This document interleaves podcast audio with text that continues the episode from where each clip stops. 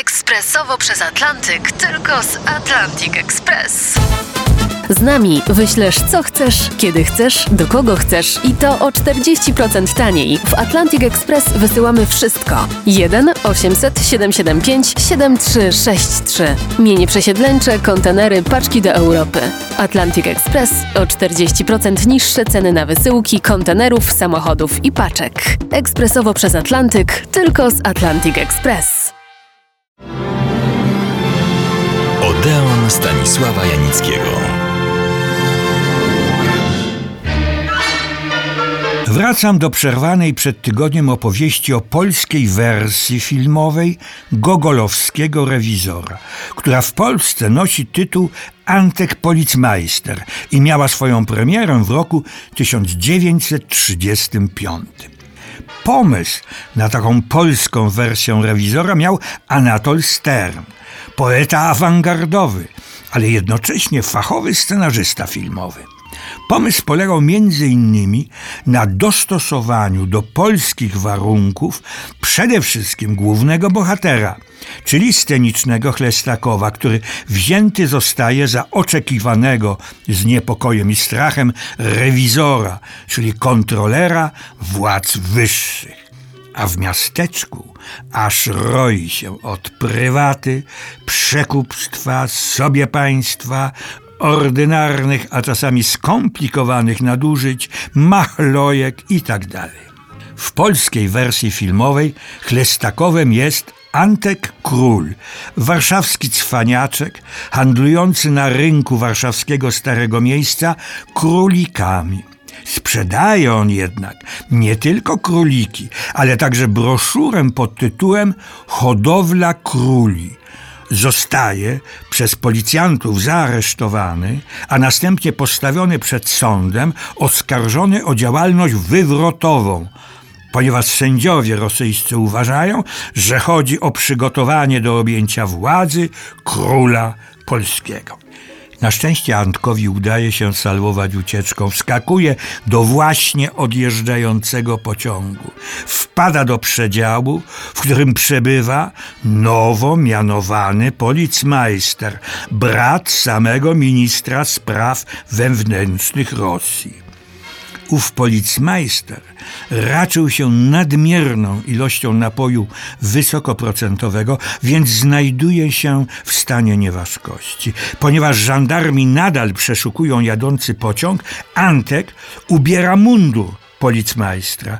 I w tym momencie pociąg zatrzymuje się na stacji, na której miejscowe władze, to znaczy gubernator, ze swoją rodziną i świtą czekają na przyjazd nowego policmajstra. Biorą za niego Antka w mundurze. Orkiestra gra, Okrzyki powitania zagłuszają krzyki prawdziwego policmajstra, który już usiłuje zwrócić na siebie uwagę, awanturuje się, wobec czego zostaje aresztowany. Odbywa się wspaniały bankiet na cześć nowego policmajstra. Antek, najpierw oszołomiony, powoli zaczyna, choć niewiele rozumie z tej sytuacji, wchodzić w rolę ważnego dygnitarza. Odwagi dodaje mu, że jest z nim jego kumpel ze starówki Felek w charakterze jego kamerdynera. Ponadto zauważa, mimo już nieco nadmiernej konsumpcji alkoholu, przede wszystkim piękną dziewczynę, która jest pokojówką, zaczyna brylować, a następnego dnia pełnić swoje obowiązki. Najpierw przyjmuje delegację kupców rosyjskich. Przychodzą, by prosić o specjalną opiekę, bo kupcy polscy stanowią dużą konkurencję. Antek, policmeister, nie może brać łapówki, ale Felek podsuwa rozwiązanie, niech zagrają z policmajstrem w karty i grają. I rzecz jasna, Antek nieustannie wygrywa. Ale są i sprawy poważniejsze, bo oto przyprowadzają młodego Polaka, który roznosił ulotki antyrosyjskie, a następnie młodego polskiego socjalistę. Antek obu oczywiście uniewinnia. Lecz szef miejscowej żandarmerii rosyjskiej, nie w ciemię bity, zaczyna podejrzewać, że coś tu nie gra. W jego ręce wpada list gończy za niejakim Antkiem z jego zdjęciem, który knuje i w dodatku uciekł z sądu. Coś zaczyna mu się kojarzyć, a hołduje starej zasadzie. Aresztować nigdy nie zaszkodzi. Tymczasem Antek Policmeister bryluje na salonach. Gubernatorowa słyszała o nowym tańcu tango argentino. Czy zna on bywalec światowych salonów? Oczywiście, że zna.